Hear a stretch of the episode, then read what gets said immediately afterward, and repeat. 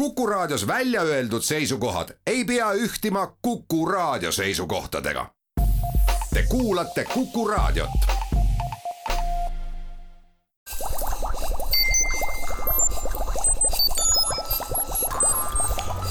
kukkuv õun head Kuku kuulajad, Kuku Õun eetris. Täna olen külla kutsunud Priit Tisleri, kes on teaduste doktor, füüsik hariduselt, tegelenud atmosfäärifüüsika ja muu sellisega ja juba pikemat aega on ta tööl Soome Meteoroloogia Instituudis. Ja mis asjaoludel, seda lihtsal põhjusel, et juba üheksandat ekspeditsiooni järjest aitab ta korraldada Soome Antarktika uuringuid. Ja Antarktika uuringutest, nende korraldamisest Soomes ja ka üldiselt me täna ka räägime. mina olen saatejuht Marek Strandberg ja tere, Priit! tere päevast, Marek, aitäh kutsumast saatesse ma mõtlengi nüüd selle peale, et oh, Eestis on ka ju räägitud vajadusest Antarktikat uurida väga pikka aega, kui pikalt soomlased juba oma jaamaga seal Antarktikas on ja mis nende peamine huviorbiit on? soomlaste jaamal sai hiljuti täis väike juubel ehk ei rohkem ega vähem kui kolmkümmend aastat. ja see jaam on muidugi selle aja jooksul kasvanud, läbinud erinevaid muutusi, aga eks ta põhiline huvi on ikkagi teadustöö, nagu tuleneb ka rahvusvahelisest Antarktika lepingust, mis sõlmiti siis kaheteistkümne riigi poolt aastal viiskümmend üheksa ja ja mingi aeg siis ka Soome on sellega liitunud, muuseas ka Eesti. Eesti on sellega liitunud, aga aastal kaks tuhat üks, aga ta ei ole veel nii-öelda konstatiivne riik, ehk tal ei ole veel hääleõigust selles klubis. no see klubi eeldab ilmselt seda, et me sätime seal üles ju mingisuguse jaama ja asume ka aktiivselt Antarktikat uurima ja neid teadmisi jagama teistega, kas on nii? täpselt nii, see on üks eeldus, et öö, aktiivne teadustöö Antarktikas, siis peale seda saaks nagu ka taotleda hääleõigust selles klubis, et et sellega seoses mm, iga aasta on ka selle lepingu riikide kokkusaamine ja sel aastal on see hästi ligidal Helsingis, maikuu lõpust juunikuu alguseni. Ja ja huvitav fakt on ka see, et, et näiteks kaks riiki, Valgevene ja Kanada, taotlevad ka sellel foorumil nüüd sel aastal selle konsultatiivse staatust ega ju sellest on palju räägitud, aga kogu meie kliima ja sellega toimuva ühtepidi saan ma aru, arhiiv aga teistpidi ka tulevik ongi ju ühel või teisel moel just nimelt äh, Antarktikas, kus jää on väga-väga vana, kus meil on võimalik saada väga pikk pilk nii-öelda möödanikku, aga mida täna näitab Antarktika meie tuleviku kohta? see on väga hea küsimus, mm, sest äh, ütleme niimoodi, et äh, häid mõõtmisi Antarktikas lihtsalt ei ole neid pikki ajasarju sellised, et, et inimene läks sinna ju suhteliselt alles hiljuti ja, ja ka satelliitide andmed on no, kõige rohkem, mõtlen viimased võib-olla kolmkümmend viis, nelikümmend aastat on olnud neid mõõtmisi ja mm, puurimisi ka mõningad aastad. et seal on väga, väga palju veel avastamist, et ja, ja ega neid kõiki füüsikalisi protsesse ja, ja, ja neid inimesed veel täielikult ei mõista. Ja kui nüüd äh, küsida Soome kohta, siis nende huvi valdavalt Antarktikaga ei ole ju pelk teaduslik selles mõttes, et äh, ka poliitilises mõttes tuleviku kujundamine, olgu siis energiapoliitikas või mujalgi, sõltub ju üsna otseselt, nagu ma aru saan, sellest, kui veendunud üks või teine riik just nimelt nendest kliimamuutustest on. kas Soome otsib tegelikult kinnitust selle kohta, et tõepoolest need protsessid on nii, nagu kogu aeg ette kujutatud on, just need nendest samadest Antarktika uuringutest? no kindlasti otsitakse seletusi ja, ja noh, teaduslikust mm, vaatepunktist äh, lähtudes ma teadurina mm, olen sellisel arvamusel, et et, et äh, kõik publikatsioonid, no nende kirjutamine võtab ju väga palju aega, aasta, võib-olla rohkemgi veel, et et kohe, kui see on päevavalgust näinud, et peale seda võiks hakata nendesse suht-, suhtuma väikse kahtlusega ja kriitikaga. et kõik need protsessid elavad ja kindlasti ametlik seisukoht on ka Soome riigis see, et, et kliimamuutused on mm, täiesti olemas ja aga mil määral siis ja kuidas nad äh, aset leiavad, isegi Antarktikas tegelikult seal on ju aastaid olnud ka mm, selge tendents, et see mm, jääkilp ju tegelikult ju kasvab. ja aga ka miks need tegelikult põhjused on ja kuidas seda seletada, seal ees veel on suur töö. jääkilp kasvab, kas selle põhjuseks, ma oletan, on see, et rohkem veeauru ja rohkem pilvi jõuab siis nii-öelda pooluste, pooluse kohale, lõunapooluse kohale. kas selle põhjuseks, oletan, nii-öelda lambist on siis äkki soojenev Lõunaookean? jaa, see on üks täiesti, täiesti korralik teooria sel moel, et tõesti, kuna maailmameri soojeneb ja see mõjutab ka omakorda atmosfääri tsirkulatsiooni, mis siis on ümber, ümber Antarktika mandri ja siis nagu seda nagu surub kokku seda. ja mu kolleegid on teinud ka neid mõõtmisi, mis tõsi, annavadki tõendust selle kohta, et, et see jääkilp on lisandumas ja isegi mu enda äh, ütleme, tagasihoidlikud vaatlused, et nüüd erinevatel suvedel, et, et viimastel aastatel seda lund, seda lund seal kuninganna Maudimaal, kus ma olen käinud, on rohkem ja rohkem. nüüd vaatan siin jooksvat pilti, mida annavad meile kõikvõimalikud satelliidiandmete kokkusidumise võimalused ja mis siis on toimumas praegusel hetkel, täna, kui me kahekümne esimesel aprillil seda saadet salvestame, siis äh, Antarktika keskosas paikneb selline, seal on just-just nagu ma saan aru, algamas talv ja seal paikneb nii-öelda kõrgrõhkkond ja Lõunameri ümber Antarktika on madalrõhkkonnatsoonid ümberringi, nii et enam-vähem see põhjus on ka täiesti rahulikult äh, siit kaugelt äh, põhja poolkeralt ja interneti kaudu täiesti vaadeldav. oo oh jaa, nii see on, nii see on jah. Ja tegelikult need mõõtmised on päris huvitavad, kui hakata niimoodi mõtlema, et, et ähm, kuidas seda mõõta, seda jääkilbi kasvamist, no ühed, üks võimalus on muidugi satelliidid, aga üks mu kolleeg on lihtsalt äh, mõõtnud raskuskiirendust. me kõik mäletame koolist üheksa koma kaheksa meetrit sekund ruudu kohta, aga kui seal peale koma kohta hakkab veel mõõta veel seitse või kaheksa numbrit lisaks veel, siis on kohe aru saada, et kas see mass, mis siis nagu kaks, kaks keha üksteist vastu tõmbavad, niimoodi lastame, kukutame väikse kuulikese mm, vaakumtorus allapoole, et siis näitab kohe, et, et see jääkilbi mass on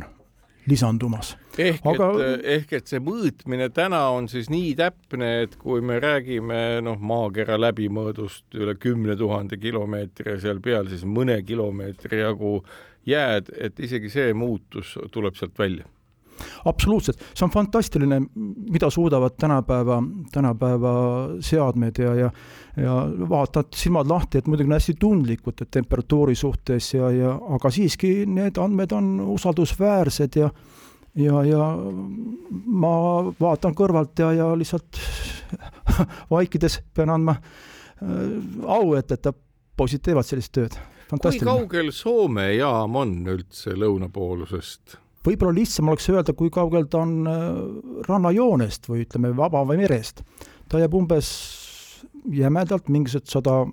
viiskümmend kilomeetrit ehk rannast jääb eemale. aga ta on üldiselt niimoodi, et ta on see kuninganna Maudimaa tagahoov, et, et äh, mitte millegi keskel, et sinna saada on hästi raske ja mõnikord ära saada on veelgi raskem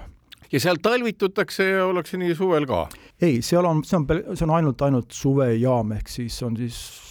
kasutusel vahemikus novembrist kuni veebruarini. ehk et sa oledki just nende toimingute pealt sealt tagasi saabunud ja kõik asjad nii-öelda põlved ja käed puhtaks raputatud äh, Antarktika jäätolmust ja jah, ja ütleme ka habe maha aetud ja, ja taas tsivilisatsiooni naasnud. Aga see tähendab seda, et äh, suvi kulub siis nagu ma saan aru, järgmise ekspeditsiooni korraldamiseks täpselt nii, meil on juba plaanid juba järgmiseks ekspeditsiooniks juba täiesti olemas ja mõtleme juba, kuidas seda logistikat korraldada. samuti teadurid, kes plaanivad tulla järgmine aasta sinna jaama nende töökorraldus, jah, see käib praegust nüüd, kui kuulata siin Eesti äh, Antarktika uurijate ja seal talvitujate lugusid Nõukogude jaamadest, siis on see ikkagi selline noh, sageli ikkagi selline ellujäämiskursus, väga tõsine ettevõtmine, noh, talvitumine üldse Antarktikas, ma saan aru, on ikkagi päris äh, karm asi. sina oled talvitunud Antarktikas? ma ei ole talvitunud, aga ma olen korra olnud sealkandis ühel talvel perioodil, juuni, juuli, august, eh, teinud eh, tööd laevalt ja triivivalt jääpangalt. et see oli teistmoodi reis, talv on seal teistmoodi, jah et ühtepidi pime ja teistpidi vist täiesti lootusetult külm, et kui seal ühtegi tsivilisatsiooni tugipunkti ei oleks mingisuguste soojemate jaamade näol, siis inimene vist saaks otsa seal. Absoluutselt, ega see lõpp oleks suhteliselt nukker jah, et, et nagu on öelnud juba seal Jäises raamatus, Johannes Muul on kirjutanud, et see manner on ükskõikne oma külaliste suhtes, et teda eriti ei huvita need väiksed putukad, need väiksed inimesed, kes sinna tulevad. palju seal üldse talvitumisjaamu on, et suurte riikide lõbu vist? see on, see on väga suurte ja, ja rikaste riikide lõbu, ehk siis on muidugi Ameerika, Saksamaa, Venemaa ja muidugi need jaamad, mis asuvad poolsaarel, noh, poolsaar on teada, et see on ju suhteliselt soojem koht ja sinna on logistiliselt hästi kerge pääseda ka Tšiilist või Argentiinast lennukitega lennata ja, ja sealt poolsaarelt nagu edasi maad mööda vist on ikkagi sinna kaugemale sattumine ka päris keeruline kütuse ja kõige muu ja läbitavuse osas vist. jaa, see on välistatud, ikka kogu logistika põhimõtteliselt ikka töötab äh, tänu lennuliiklusele, et, et väiksed lennukid, mis siis lendavad edasi-tagasi ja siis viivad seda kargot ja ja vajadusel näiteks oleme teinud ka niimoodi, et vaja kütust saada sinna kaugele, siis mõnikord on seda isegi lennukite pealt äh, langevarjudega alla lastud tünnid. kui ette kujutada, mis võiks, ütleme,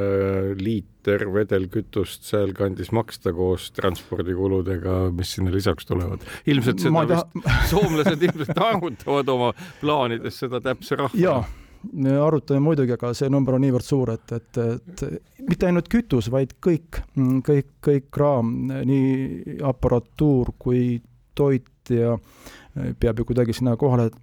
transportima kuidagi ja eks see kilohind tundub, et vahepeal on kõrgem, kui asju kosmose saata satelliidi peale.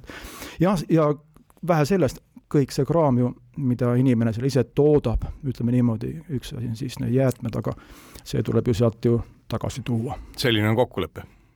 see on Antarktika leping, näeb seda ette, et, et, et ka inimese tegevuse jäätmed muidugi peab kõik tagasi tooma siinkohal teeme saatesse väikese pausi ja kuulake meid pärast vaheaega edasi. kukkuv õun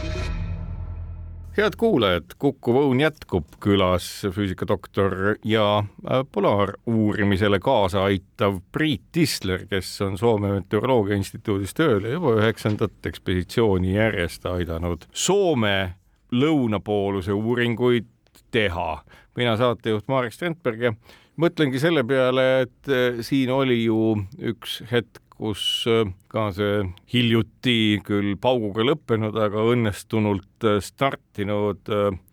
Starshipi nimeline kosmoselaev, selle prognoosides on vist öeldud, et ühe kilogrammi kraami viimine orbiidile võib maksma hakata tulevikus umbes üks või kaks dollarit ma kujutan ette, et huvitav, et kas ja noh, siis ka tagasitoomine, sellepärast et tagasitulekuga need äh, kosmoseraketid ju on plaanitud toimima. ma mõtlen, et kas mingil hetkel võib saabuda olukord, kus odavam on kogu seda kraami üldse polaaraladele viiagi sellise orbiidi kaudu raketiga. kak-, kaks, kaks dollarit kilo, kas see on konkureeriv hind? See on, see on hämmastavalt odav, Marek see on, see oleks hämmastavalt odav ja isegi jaa, kuidas saada kraami sinna Antarktikasse, on tõesti rikkad riigid,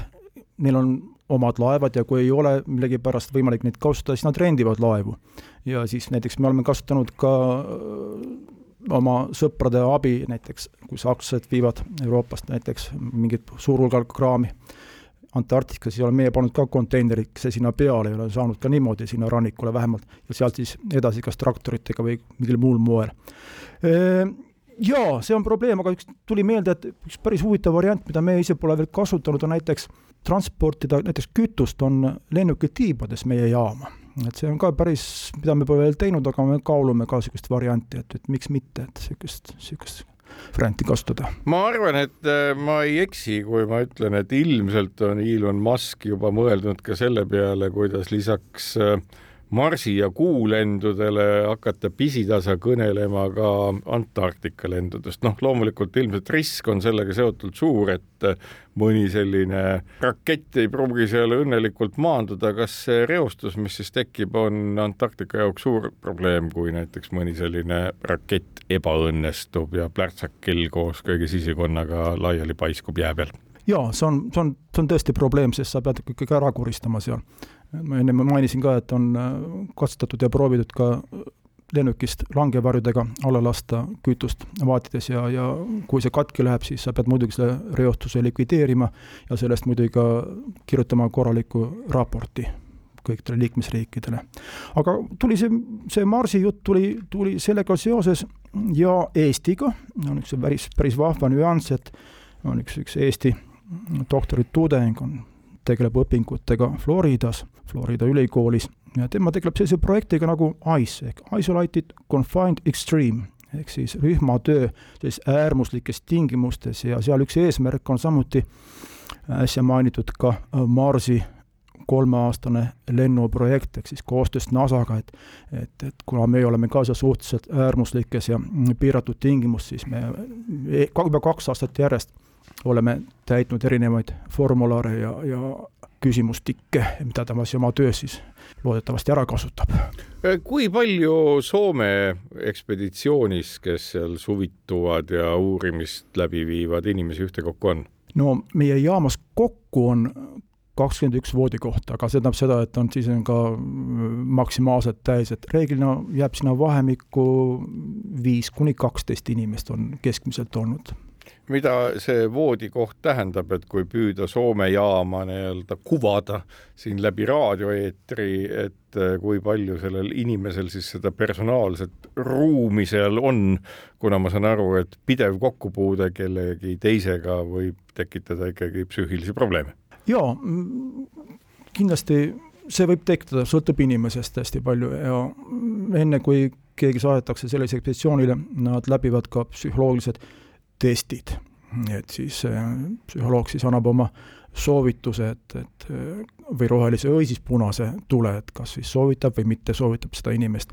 aga jah, need magamiskohad, need on sellised koikud, nagu nad on, kahekohalised narid, et et kõige rohkem siis privaatsust saad, siis on üks tuba, kus on siis kaks magamiskohta, narid ja muidugi on siis töölaud seal, kapid. et kui on vähem inimesi, siis nad saavad lubada ka täiesti omaette privaatse ruumi kuidas su töö seal välja näeb, et püüad algusest peale kohe distantsi hoida, teades, et lõpuks väsivad kõik kõigist ära või milline see töörežiim sinul seal on? no minu töörežiim on see, et et jaama ülalpidamine, et, et need esimesed korra ma tegin puhtalt teadustööd, see tähendas siis, et aparatuuri ülespanek, andmete kogumine, töötlemine aga praegust olen see logistika peale, et vähemalt siis asema, mis vaja, et, see jaam nagu siis,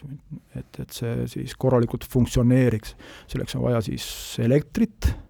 iseenesest mõista on vaja, ja on vaja siis, inimesed tahavad muidugi ka vett ja, ja, ja ja et see kraanist tuleks vesi, et seda ei ole nii väga lihtne võtta nagu, et, et ei ole ka steps, et, et kust torkad seina, et elekter iseenesest tuleb ja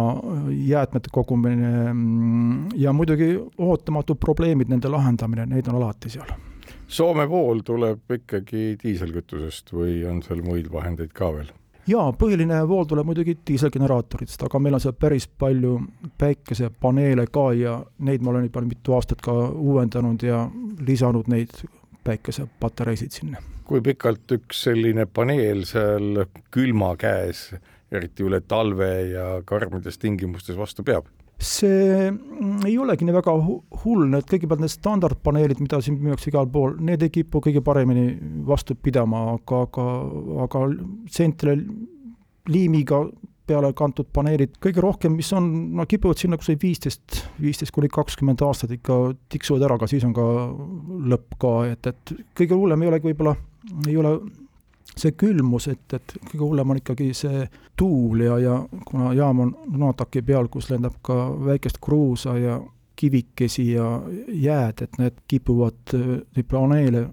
lõhkuma ja samuti tuul, et tormides, mis siin salata, kõige rohkem, mida ma olen mõõtnud tuult jaamas, oli, oli peaaegu et kuuskümmend meetrit sekundis. tavalinimesel on seda natuke raske ette kujutada, aga, aga see oli päris, päris korralik torm. see on niimoodi, et vist inimesegi viib minema, kui vähegi pindala on riiete või ka keha tõttu? täpselt nii, et me olime sunnitud ka panema konteinerite vahele turvaköied ja ikkagi oli veel väljas käimine oli väga problemaatiline, üks asi on see, et sa midagi ei näe, läheb whiteout'iks kõik, kõik ümberringi valge, horisonti ei näe, tuul ka muidugi pühib sind kohe minema ja ja ega ei hingata ka ei ole kõige kergem, et, et sellise tuule jões.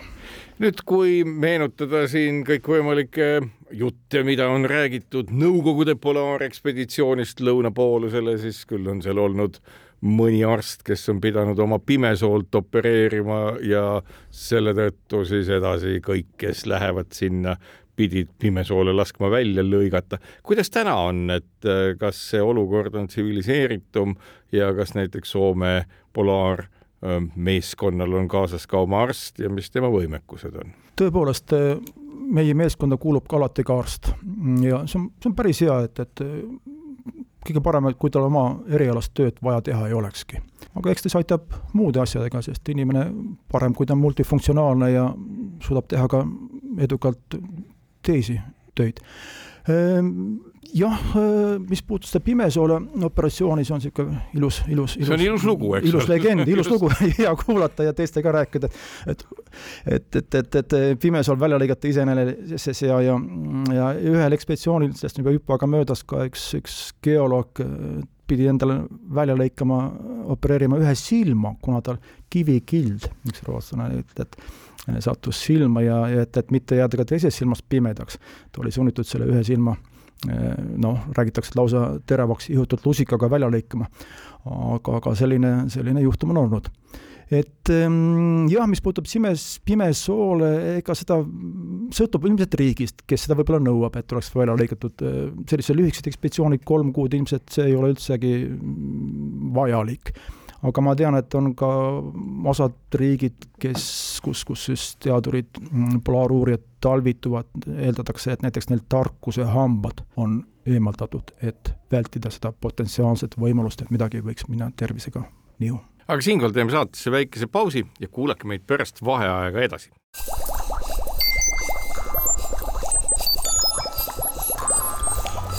kukkuv õun head Kuku kuulajad, Kuku Õun jätkub külas teaduste doktor, füüsik Priit Tisler, kes täna tööl Soome Meteoroloogia Instituudis ja juba üheksandat korda järjest Soome Antarktika ekspeditsioonile kaasa aidanud, mina saatejuht Marek Strandberg ja kui nüüd võtta ette see nii-öelda Soome elu seal, et noh, soomlased tunduvad meile niisugused rahumeelsed ja kannatlikud inimesed äh, täiesti kadestamisväärselt mõnes mõttes. kas, kui rääkida saad muidugi, kas selline nii-öelda soomlaste polaarekspeditsioon, kas seal ka vahel nii-öelda asjad teravaks lähevad, mida tuleb siis ühel või teisel moel klaarida või kõik on nii ette valmistatud ja nii rahulik, et midagi hullu ei olegi juhtunud? jah kuidas see kuulus, kuulus, kuulus ütlemine on, et if something happens in Vegas, it stays in Vegas, et ega nendest asjadest ei ei, ma võin käsi südamel, käsi südamel hoides, et, et mingeid selliseid teravaid eksesse minu ajal olnud ei ole. Et inimesed on suhteliselt tagasihoidlikud ja meil ei ole olnud ka vajadust mingil põhjusel ka inimesi enne ekspeditsiooni lõppu mingil moel ära saata jaamast eks nagu ma mainisin ka, et eks eelduseks ka muidugi hea kodutöö ja, ja võib-olla ka need psühholoogilised uuringud, et need intervjuud inimestega ja mida nad ootavad ja need käiakse muidugi läbi. ja inimesed, kes on juba mitu korda olnud, eks need siis ka teavad juba, mis neid ees ootab ma ütlen seda, et kuna neid Marsi ekspeditsioone kavandatakse, kas see Floridas õppiv sul viidatud doktorant on ainukene, kes on huvi tundnud või ka sellise kõikide nende, kõikide nende Antarktika ekspeditsioonide eluolu vastu tunneb huvi ka noh, näiteks Ameerika kosmoseagentuur, NASA. Noh, mille ülesandeks ju lõppkokkuvõttes on inimesi siis nii Kuule kui Marsile viia ja kõik rahulikult ette valmistada täpselt nii, ma usun küll jah, et eks nad ju nii palju, kui mina tean, on nad ka korraldanud selliseid mm, simulatsioonilaagreid, kus siis inimesed siis püüavad siis nagu kuidagi siis äh, hakkama saada sellistes äärmistes tingimustes ja mm, täpselt ma ei oska öelda, aga võib-olla nendest kõigest ei räägita ka, et, et eks seal tuleb ka võib-olla mingil määral võib-olla tagasilööke on tulnud ja aga, aga Antarktika on kindlasti üks, üks selline koht, kus selliseid asju on hea testida ja inimeste kogemusi saada. no Soome on teada-tuntud ajalooliselt juba ju äh, atmosfääri uuringutes raadiosondide loojatena, Meteoroloogia Instituudi enda aadresski on ju äh, küll mitte raadiosondide kasutaja, aga küll jah, kõrgatmosfääri uurinud äh, Erik Palmeeni nii-öelda platsil kui palju nii-öelda selline Soome äh, atmosfääri ja kliimauuringute ja ilmauuringute traditsioon seal jaamas jätkub? jätkub ikka, aga muidugi eeldus on see, et teadurid, kes tahavad sinna tulla, nendel peab olema muidugi korralik teadusuuringute programm, ehk siis on püstitatud hüpoteesid, küsimused, mida nad tahavad seal siis millele siis tahavad nagu tuge ja tõestust saada. ja see eeldab ka seda, et siis nad kirjutavad mingi projekti, saavad siis näiteks Soome Teaduste Akadeemiast, saavad selle finantsilise poole ka sinna taha ja siis asi läheb niimoodi edasi. mis, sest olgem ausad, ega see odav lõbu sinna sõita ja tööd teha ei ole. mis oli selle viimase ekspeditsiooni siis selline fookus, mida seal uuriti? viimasel ekspeditsioonil meil olid paar geoloogi oli ja geoloogid ka uurivad seal juba mm, neid vanu, juba ütleme, Gondwana, Gondwana aegadest mm, siin on purskanud vulkaane ja neid laavasulameid seal, võtavad neist proove ja siis püüavad sinna minna ka ajas tagasi, et kaks geoloogi oli seal. ja samuti oli teine fookuse punkt oli, oli atmosfääri uurijatel ja lumeuurijatel. et kuigi meil satelliite on kosmos täis praegu, siis nad midagi mõõdavad, midagi pildistavad, aga nende mm, andmete valideerimine, et, et siis peaks ka keegi siis ka koha peal siis näiteks lume peal seda lumekristallide koostumust ja, ja, ja, ja, ja spektraalset nagu albeedot ja kõike seda mõõtma, et saaks siis need võimalikult usaldusväärseks need kosmoses ringi tiirutavad satelliidid, nende andmed see on siis, ma saan aru, ikkagi niimoodi, et kuigi ju jääd ja lund on võimalik ka laboritingimustes teha, et kas siis nii-öelda need kristallid seal on siis sootuks teistsugused looduslikus olus tekkinuna, kui me suudame laboris tekitada või?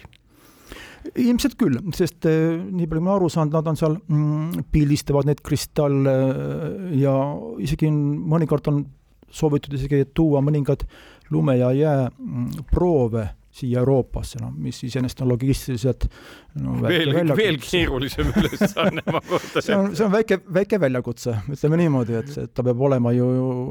noh, ütleme niimoodi, et ikka sama temperatuuri juures ja nii edasi. täpselt, täpselt, täpselt nii, jah. Aga ikka mõõdetakse mitte ainult siis neid kristalle, aga näiteks ka eh, kaevatakse siis, ütleme, siis auke jää ja lume sisse ja siis seda stratifik-, stratifikatsiooni või siis mm, lumekihtide, jääkihtide jaotust mõõdetakse, neid temperatuure ja, ja tihedust ja nii edasi, veesisaldust näiteks. mis on sinul olnud selle üheksa aasta jooksul võib-olla ehk ekstreemseim või meeldejäävaim sündmus, olgu siis väljaspool jaama või mingi mõõtmistulemus, mis sind on köitnud, erutanud ja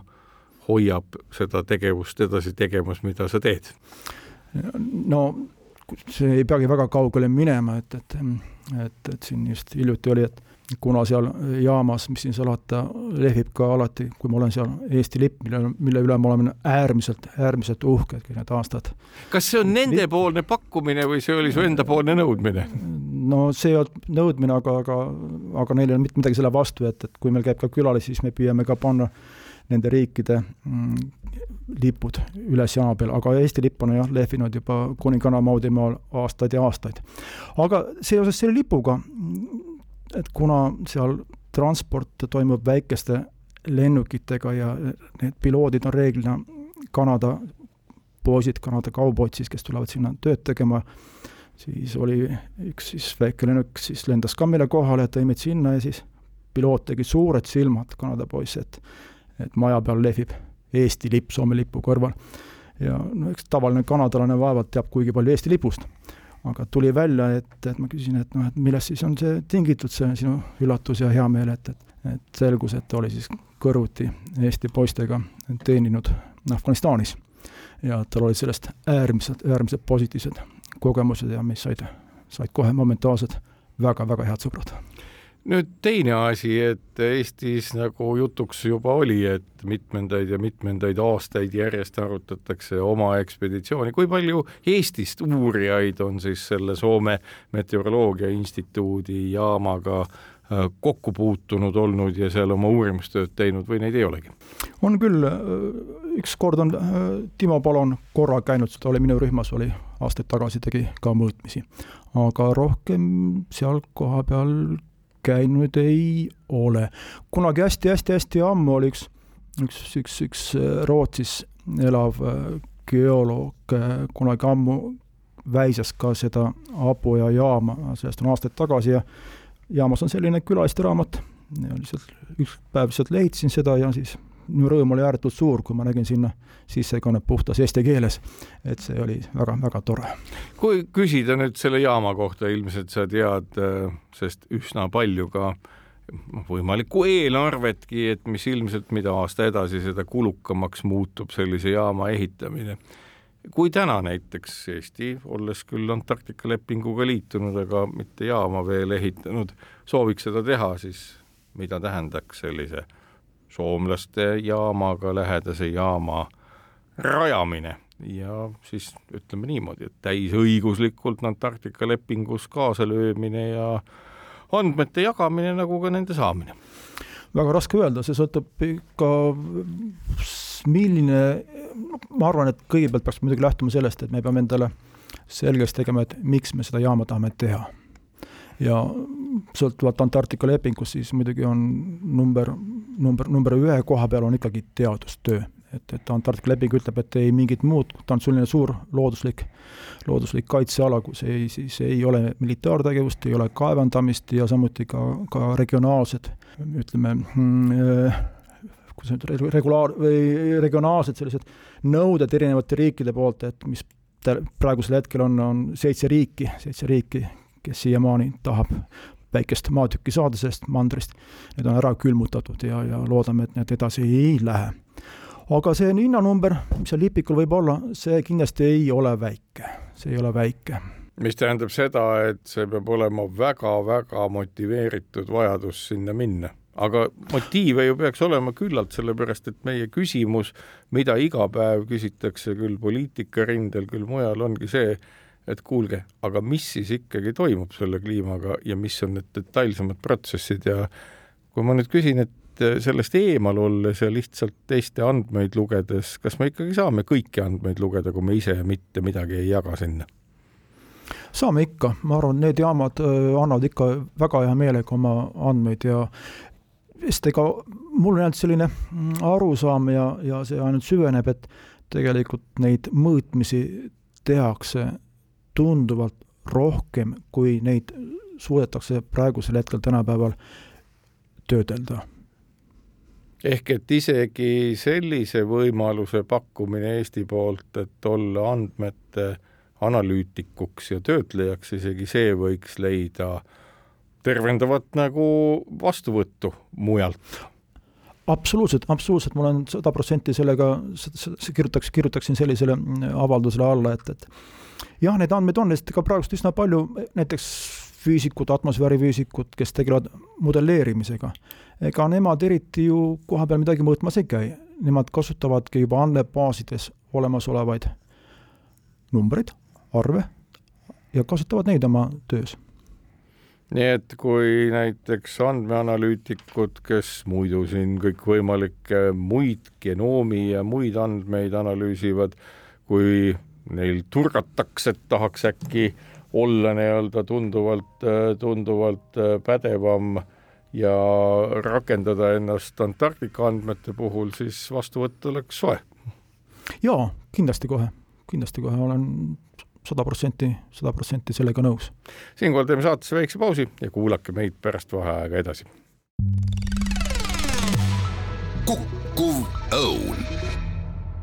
head kuulajad, Kukkuv õun jätkub külla olen kutsunud Priit Tisleri, kes on teaduste doktor, füüsik ja atmosfäärifüüsik üheksandalt ekspeditsiooni järjest Soome Meteoroloogia Instituudi Antarktika jaama logistikat aidanud korraldada ja seal ka uurimisi teinud, mina saatejuht Marek Strandberg. kui vaadata kõiki neid pingeid, mis ju viimase aasta jooksul ka Venemaaga seotult ja muude riikidega seotult on, et äh, kuidas on, et kas see sõjapinge on kuidagimoodi ka jõudnud Antarktikasse või kui palju Vene jaama inimestega üldse kokku puututakse tänasel päeval? see on hea küsimus, mis siin salata, Ukraina sõda on ikka jaganud maailma kahte leeri. Ja kas me tahame või ei taha, eks see mingil moel väljendub ka Antarktikas, kuigi see on hästi kaugel sõjatandrilt, et et isegi hoolimata, et näiteks Antarktika leping on kõikidest nendest pingetest hoolimata olnud juba aastast viiskümmend üheksa jõus ja aga siiski jah, et, et ka näiteks Soome ekspeditsioon ja ka paljud muud, rootslased, norrakad, sakslased ja nii edasi ja nii edasi, kasutasid kuigi palju ka Vene lubadega opereerivaid lennukeid ja näiteks ka vahejaama, mis oli Novolazereska ehk siis vana Vene, Vene jaama kõrval.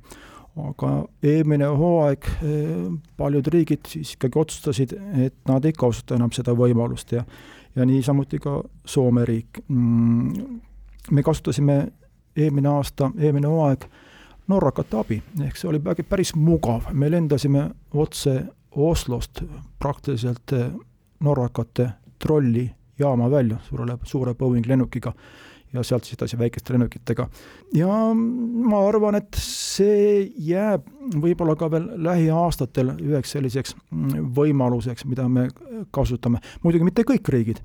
näiteks, näiteks võiks tuua näiteks India, kes ikkagi kasutab ka venelaste logistikat nüksriikidest ja, ja neid on teisi samuti veel Oslost Antarktikani välja, see peab ikkagi üks korralik lennuk olema, see on nende enda lennuk või nad rendivad seda? See oli renditud lennuk, Boeing seitse kolm seitse kombi. aga muidugi vahemaandumine, üks vahemaandumine oli meil Tšaadis, mis on ka väga kummaline paik, aga seal me ainult tankisime, siis lennasime edasi otse Kaplina, seal siis oli üks öö, olime, magasime ja sealt lennasime edasi siis trollijaama, et, et see oli päris kiire, ma pole kunagi veel nii kiiresti saanud veel Antarktikasse, et reeglina see võtab ikka aega, aega, aega ehk et see kolm päeva on kiire ja tavaline käik Antarktikasse on siis kui pikk? no see võib venida nädalateks sest see sõltub ikka ilmast ja, ja sa jäädki kusagile ootama ja jääd ja jääd ja jääd ja, ja kuidagi edasi ei saa, tagasi ei saa, et, et, et sa võid teha neid plaane küll, aga, aga üks seal härrasmees üleval pilvede peal, see vaatab ja pugistab ainult naeru, et kui inimesed plaane teevad. ma mõtlen just seda, et kuna mainitud juba, et et äh, elu Marsil võiks nagu just eraldatuse mõttes sarnaneda Antarktikaga, äh, ilmaolude mõttes ilmselt vahel ka, et kuidas su enda kogemus on, et kui öeldakse, et noh, Priit, nüüd on niisugune võimalus, et äh, pead päevaga otsustama, et kas sa Marsile lendaksid või ei lendaks, kas lendaksid? ei, ma ei lendaks sinna Marsile praegust. jah, et võib-olla ka vanust on juba omajagu ja mm, jah, nagu Antarktikaga on kaks sellist väga head asja, et sa tunned ennast äh, väga hästi, kui sa oled sinna kohale pääsenud ja sa tunned ennast väga hästi, kui sa lõpuks tagasi saad sealt. aga Marsilt tagasisaamisega on veel praeguste arusaamade järgi on suhteliselt veel keeruline. et see võib olla ühe otsa pilet üldsegi?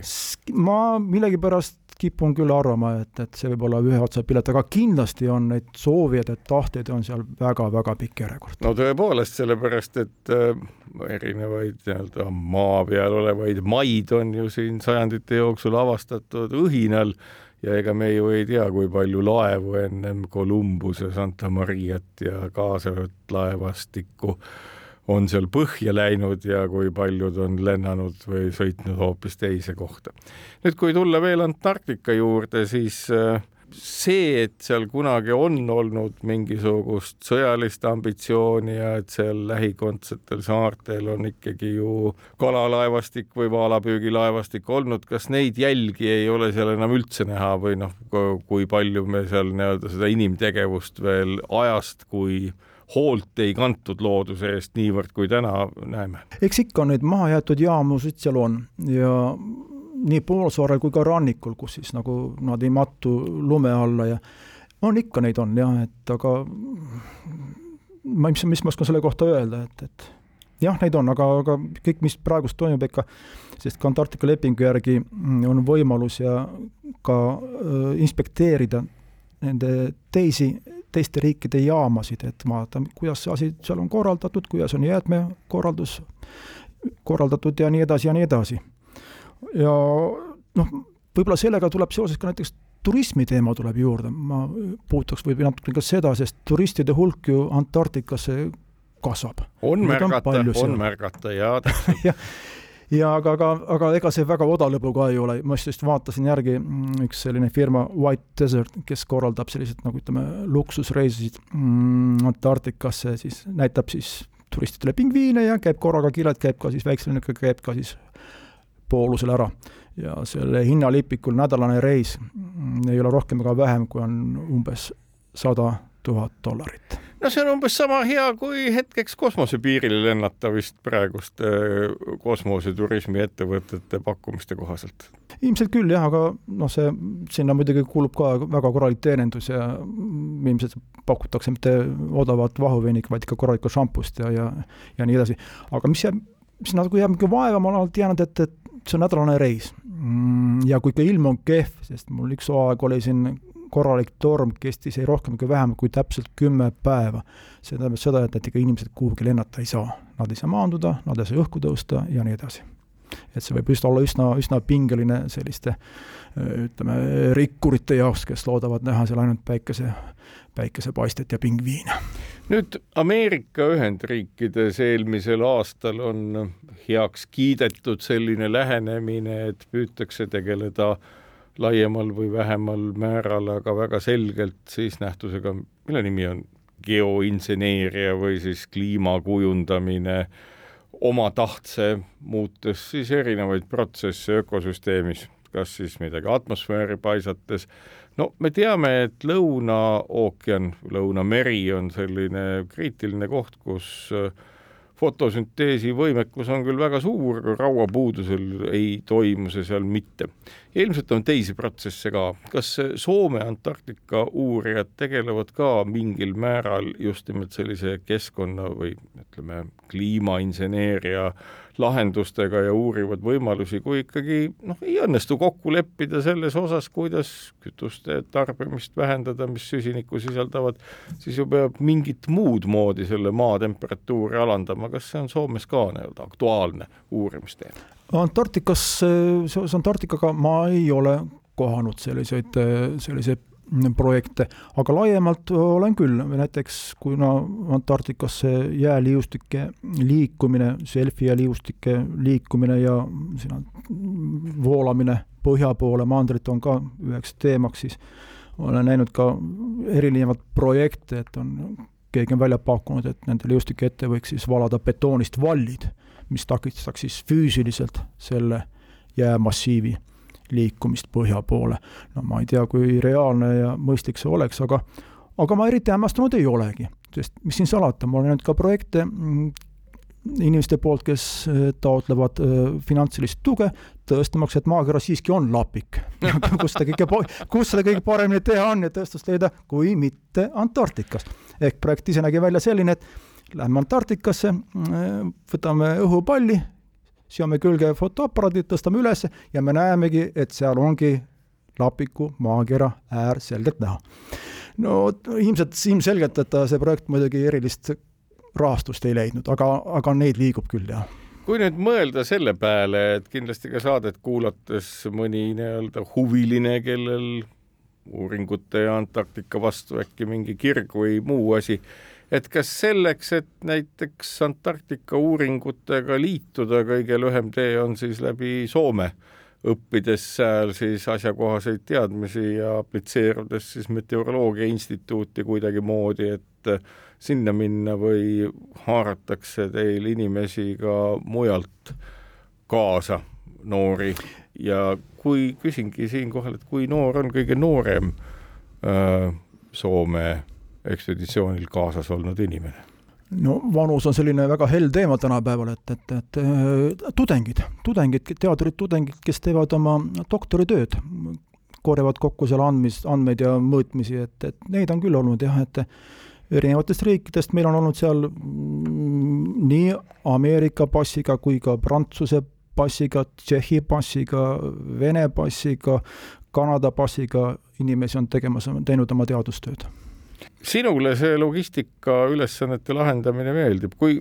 intensiivne see töö on, et kas sa saad nii-öelda, kui sa uut ekspeditsiooni ette valmistad, et kas su töörütm on täiesti selline rahulik või ikka on nii-öelda ööpäevast ja tööpäevast jääb puudu? puudu ei jää, et, et aga, aga mida lähemal hakkab see ekspeditsioon, see tulema, et seda, seda mm, rohkem seda pinget muidugi tuleb ja mis siin salata, paljude asjade hankimine näiteks on ka problemaatiline, et, et päris, päris, päris igat asja sa poest ikka ei saa. ja pead nagu tellima ja siis, no näiteks, näiteks, näiteks ka needsamad päikesepaneelid, kui sa teatud sorti päikesepaneele saada, ega siis ega poest eriti ei saa. sa pead tellima kusagilt ja disainima, et ise süvenema nendesse teemadesse ja ja seda kokku projekteerima, samuti akud ja aku, akupangad, mida me kasutame seal. Jah, ja samuti meil tehnika, mis seal on, traktorid ja nende remontimine, et, et kui on mingi vanem tehnika, ega neid ka siis varuosi ega ära eriti saada ei ole, et, et jah, eks seal on ikkagi, meil on, meil ütleme, probleeme pole, aga meil on väljakutsed niimoodi. ma oletan, et Rootsi jaamas on nende mädakala kindlasti kaasa võetud, suurströmming, kas äh, soomlased võtavad siis kaasa, mis võiks olla, jõhvikaid ja põdraliha, kui minnakse või toit on ikka täitsa tavaline? toit on ikka tavaline, et, et äh, kuivainet me võtame ise koha pealt kaasa, aga liha, kala mis on siis, on ütleme, et on siis jäätunud olekus, need siis hangitakse Lõuna-Aafrikast reeglina. et vot ostame sealt, et vähendada, vähendada neid logistilisi probleeme, aga taas tulen väikse Eesti nüansiga juurde, et ma olen kaasa võtnud ka muidugi mm, Tartu milli muffinsi pulbrit, mis maitseb kõigile väga hästi, ja Liviko fantastilist toodet Bellingshauseni vodkat, samuti see on ka selline produkt. minev kaup. mis on leidnud ka positiivse, positiivse tagasiside. aitäh, Priit Tisler, et said tulla kõnelema Soome meteoroloogiajaama tegevusest ja sellega seonduvast logistikast ja kõigest muust. sellega on Kuku Õuna saade läbi, kuulake meid jälle nädala pärast ja seniks kaunist päeva ja aega teile